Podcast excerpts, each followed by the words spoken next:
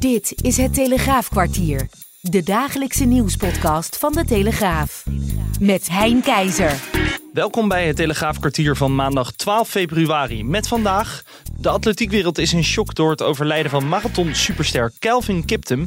En winkels merken dat er meer gejat wordt en willen met een zwarte lijst komen om dit te voorkomen. Bij mij in de studio zijn atletiekverslaggever Willem Held en verslaggever Evelien Belsma. Kelvin Kiptum, de huidige wereldrecordhouder op de marathon, is plots overleden, 24 jaar. Willem Held, atletiekverslaggever van de Telegraaf, kan je uitleggen hoe groot die Kiptum nou eigenlijk is? Nou ja, hij is wereldrecordhouder en Ja. hij heeft drie marathons gelopen en die heeft hij allemaal gewonnen. dat, dat zegt al veel, maar het bijzondere is vooral dat hij heel groot beloofde te worden. Omdat hij het in zich zou hebben om als eerste man een marathon onder de twee uren af te leggen. Hij had grote ambitie en dat was de Olympische Spelen winnen. Ja, iedereen had hem eigenlijk al ingevuld voor Parijs. Maar ja, dat, eh, dat komt er niet van. Kenia, maar de hele atletiekwereld echt in shock. Ja. Want dit is, dit is een hele harde klap voor alles en iedereen die ook van atletiek houdt. Want die had hem in het vizier en had heel veel, vooral dit jaar, van hem verwacht. Hij was pas 24 jaar, maar al eigenlijk zo'n grote ster. Onder de twee uur lopen, is dat, is dat zo bijzonder om dat te doen? Ja, dat is een magische grens. Dat is eigenlijk ongelooflijk. Bijna een, een grote sprint. Het is heel moeilijk eh, voor een gewone hardloper om, om al zo iemand vijf minuten bij te houden. Ja, hij heeft drie marathons gelopen. En die tijden die hij gelopen heeft, die horen bij de beste zes tijden ooit. In korte tijd is hij als een soort eh, wereldwonder, een loopwondel, eh, heeft hij zich eh, ontwikkeld. En ja, die, de grens van onder de twee uur is heel bijzonder. Het gaat wel om een officiële marathon. Hè, want er is al eens een keer iemand geweest die heeft de marathon onder de twee uur gelopen. Dat was landgenoot Elliot Kipchoge. Maar het was geen officiële marathon. Dat was een marathon met allemaal rondjes, veel rechte einden en eigenlijk te veel tempomakers. Maar Kiptoum die had het in zich om een echte marathon met, eh, dat is dus één grote ronde met niet te veel tempomakers, dat hij die onder de twee uur zou kunnen lopen. En iedereen had eigenlijk gedacht dat hij dat in Rotterdam zou gaan doen komende lente op 14 april. Hij was groots aangekondigd. En dat zou op heel veel internationale eh, belangstelling eh, zou daarvoor zijn geweest. Maar het gaat allemaal niet door. Is hier al iets bekend geworden over de manier waarop hij is overleden? Ja, hij zat gisteravond in de auto. Rond eh, 11 uur reed hij op de weg van Eldorat naar Kiptagat. Dat is in het westen van eh, Kenia. En dat is een gebied waar heel veel marathonlopers trainen, omdat dat op hoogte is. Dat is goed voor je rode bloedlichaampjes, daar word je beter van als je op hoogte traint. Dus daar trainde hij en hij was op weg in de auto. Hij had zijn coach Haki Zimana, een uh, Rwandese coach, die een hele bijzondere benadering had, had hij in de auto zitten. En nog een uh, vrouwelijke passagier van 24. Ze zijn uh, van de weg geraakt. Kip toen zat achter het stuur zijn van de weg geraakt en na 60 meter in een greppel uh, tegen een boom geknald. Hij is zelf uit de auto geslingerd en uh, was waarschijnlijk op slag dood. Maar is het niet vreemd dat een sporter van zo'n allure geen chauffeur heeft of iets van die trant? Mm, nou, dat vind ik niet helemaal. Ik denk dat heel veel sporters uh, het toch wel prettig vinden om zelf te rijden en, en zelf onafhankelijk van iemand zich te kunnen verplaatsen. Ja, het was een gebied waar hij al heel lang trainde, waar hij de weg op zijn duimpje kent. Maar staat ook bekend als een gevaarlijke weg met uh, veel bochten en hobbels. Ja, het is gewoon uh, op een verschrikkelijke manier misgegaan. Wij hebben in Nederland natuurlijk ook een hele bekende marathonloper, Abdi Negeye, won zilver in Tokio. Uh, hoe was zijn reactie? Hij woont in uh, Eldorat ook. Hij traint ook vaak in dat gebied. Hij, hij was perplex. Hij, hij was ochtends wakker geworden, hij had zijn telefoon aangezet en uh, hij kon het niet geloven. Hij dacht dat hij nog droomde. Hij zei, ik heb hele rare dromen gehad. Ik geloof niet dat ik wakker was. Ik stond helemaal te shaken, zei hij. Ja, het is gewoon zo dichtbij hem. Het is geen teamgenoot met hem, maar hij komt er regelmatig tegen. Hij kent die coach ook. En hij, hij had ook laatst nog met die coach bij een meubelzaak zitten praten. Nou, die coach is ook overleden. Hij was gewoon helemaal van de kaart. Hij was gaan winkelen, maar hij wist niet wat hij eigenlijk wilde. En hij ging vandaag ook niet trainen. De hele marathonwereld, de hele atletiekwereld is in uh, shock. En uh, zeker de marathonlopers zelf, die samen daar met hem trainen. Het staat niet zo heel ver van de Nederlandse toppers af. Hè? Want ik zei net al dat hij samen trainde met Nageye. En de laatste marathon die hij liep in Chicago, Die liep hij tegelijk met uh, Sifan Hassan. Die won toen. Uh, dat vonden wij in Nederland heel spectaculair. Maar de wereld keek eigenlijk naar uh, Kiptoen. Want die was een wereldrecord aan het lopen. Met wat voor sporters kunnen we deze Kiptoen eigenlijk vergelijken? Is het een soort Mbappé die plots omvalt? Of is het een, een, Ronaldo of een Messi? Is het die ja, orde van ja, grootte? zeker. Zeker. Ja. En, en eigenlijk zou die dat vooral worden. Die man die ik net noemde, Eliat uh, Kipchoge. Dat was eigenlijk Mr. Marathon van de afgelopen tien jaar. Die won heel veel. Is tweevoudig Olympisch kampioen. Maar zijn wereldrecord is overgenomen door Kip Toon. En ja, iedereen wist eigenlijk zeker, dit gaat de, atleet van 2024 worden. Die gaat in Rotterdam uh, onder die twee uur duiken met goede hazen. Het is heel snel parcours in Rotterdam.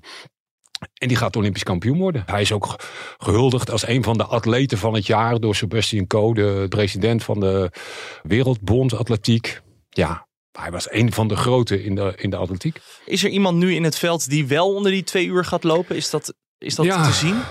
Nou, eigenlijk zie ik het niet direct. Nee. Nee, iedereen was op hem gericht. Hij had zich heel spectaculair ontwikkeld. Ja, er zijn wel andere talenten, maar ja, als je 2 uur en 35 seconden erover gedaan hebt en je, je bent nog jong en je kan je verbeteren en je komt misschien op een no- nog iets sneller parcours, dan is het te verwachten dat hij het gaat doen, maar niemand is in die buurt gekomen. Gaat er een eerbetoon komen in Rotterdam, verwacht je? Ja, nou ja, het is natuurlijk vooral eh, voor zijn familie en, daar in Kenia is het een, een, een ramp, maar ja, Rotterdam is ook wel getroffen, want ze hadden met zoveel trots aangekondigd. Ze hadden zo gehoopt dat er een eh, internationaal spektakel zou plaatsvinden. Ik weet niet precies wat er eh, gaat gebeuren. Ik heb al begrepen dat ze in de komende dagen iets willen doen vanuit de organisatie. Allemaal heel moeilijk. Dank voor je tijd. Dan naar totaal iets anders. Vier komkommers afrekenen voor de prijs van één. Misschien heeft eh, iedereen dat wel eens een keertje gedaan, maar als het aan winkels ligt, wordt dit keihard aangepakt. Eveline Belsma, allereerst zelf ooit iets gestolen bij eh, de supermarkt of de drogist? Nee, Oh, Nee. dat is heel braaf. dus ook niet als kind. Winkeliers die trekken nu aan de bel. Is het zo'n groot probleem? Ja, ja, het is een heel groot eh, probleem. Het aantal aangiften van winkeldiefstal dat is eh, weer gestegen. In 2023 is er 45.000 keer aangifte gedaan. Dat is 5.000 keer meer dan het jaar daarvoor. Ik ben er een beetje ingedoken omdat ook allerlei platforms voor ondernemers, maar ook eh, gemeenten, politie, die willen eigenlijk dat winkeliers daar zelf iets aan gaan doen en die bieden preventietrainingen aan. En zo kwam ik er eigenlijk achter dat eh, winkeliers eh, ja, een beetje het heft in eigen hand nemen. Want de politie komt al- als iemand wordt aangehouden of na een heterdaad en die persoon is door het personeel aangehouden. Maar ja, er volgt verder ook niet veel onderzoek. Dat is het dan. En ze willen daar natuurlijk gewoon van af. Jumbo kwam als eerste naar buiten met echt eh, schrikbarende cijfers van hoeveel dat wel niet kost. En toen bleek dat er wel een effectief middel is, namelijk zo'n zwarte lijst.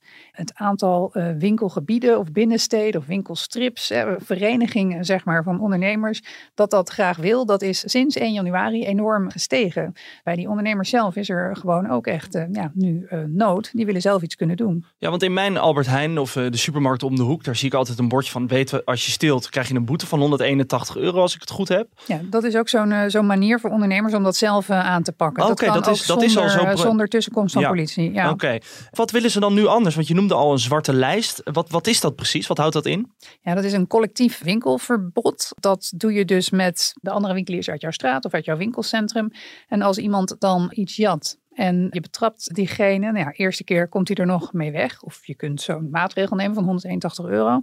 Dat je hem dat laat betalen, dat is zeg maar ja, het bedrag of ja, wat het die winkelier kost aan tijd en gedoe.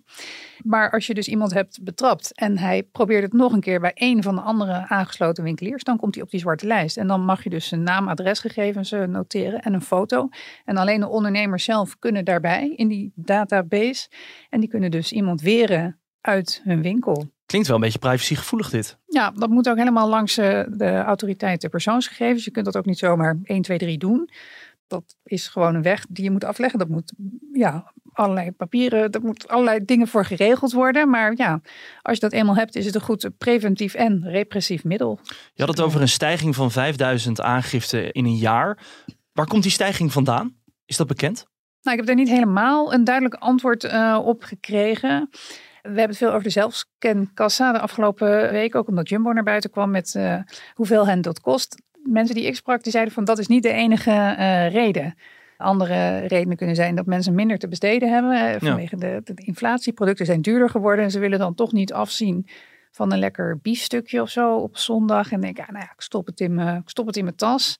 En ja, wat het platform Veilig Ondernemen, uh, die dus ondernemers helpt en te beschermen tegen criminaliteit, die zeiden ook van ja, de, de mentaliteit is veranderd van mensen. Mm die woordvoerder weet dat aan corona. Dat sinds de coronaperiode afgelopen is, mensen zeggen, denken van nou, we zijn weer vrij, wie maakt me wat? Wat kan mij het allemaal schelen? En dat is wel iets ook wat ik merkte bij die winkeliers. Dat uh, de mentaliteit van de klant echt veranderd is. En als je ze aanspreekt van, hey, uh, heeft u die forel wel uh, gescand? Dat ze dan een grote bek toe krijgen echt, eigenlijk. Ja, ja. Nou. Hoe reëel is zo'n kans op zo'n zwarte lijst? Dat die daadwerkelijk daar ook komt? Nou, er zijn al 40 winkelgebieden die dat hanteren nu. Dus die stijging is opmerkelijk. In de afgelopen vijf jaar zijn er 40 van die. Nou, een, een, het kan een hele binnenstad zijn. Dus je hebt het echt over duizend uh, winkels in totaal die dat nu al hebben. Die zijn er. En dus in anderhalve maand tijd zijn er nog eens 20 van die gebieden. Dus nog eens enkele honderden uh, winkeliers bijgekomen. Ja. Dus het bestaat al. Je had het ook over preventie, dat winkeliers heel erg op de preventie gaan zitten. Hoe, hoe ziet dat eruit? Nou, ik ben bij zo'n preventie, winkeldiefstalpreventietraining uh, geweest in de Albert Heijn. Toevallig was dat mijn eigen uh, Albert Heijn in Haarlem. Okay. De belangrijkste les die zij eigenlijk gaven aan het personeel is dat een klant moet zich niet anoniem wanen. Dus als hij binnenkomt zeg je, goedemiddag mevrouw. En een vakkenvuller moet eigenlijk ook zeggen, eh, dag meneer, kan ik u helpen? Kunt u alles vinden? En bij de zelfscankassa moet je dan ook nog eens een keer vriendelijk begroet worden. Dan denkt oh, ja. iemand, ja, ze hebben me gezien. Ik, ik, ik kan niet uh, hier nou eventjes in mijn broekzak laten glijden. Ik zou hier heel ongemakkelijk van worden, denk ik. En heel betrapt. Als klant. Ja, als klant zijnde. Ja, en het helpt ook als je heel vriendelijk bent. En ja, het schijnt ook dat 80% van de uh, dieven of diefstallen wordt gepleegd door een gelegenheidsdief. Dus iemand die, voordat hij de Albert Heijn van een andere supermarkt binnenliep, nog niet wist dat hij iets zou gaan stelen. En mm -hmm. ineens denkt, goh, nou, het is toch wel erg uh, makkelijk. En ze leren ook, het personeel leert ook mensen een beetje te scannen van uh, toepasselijk.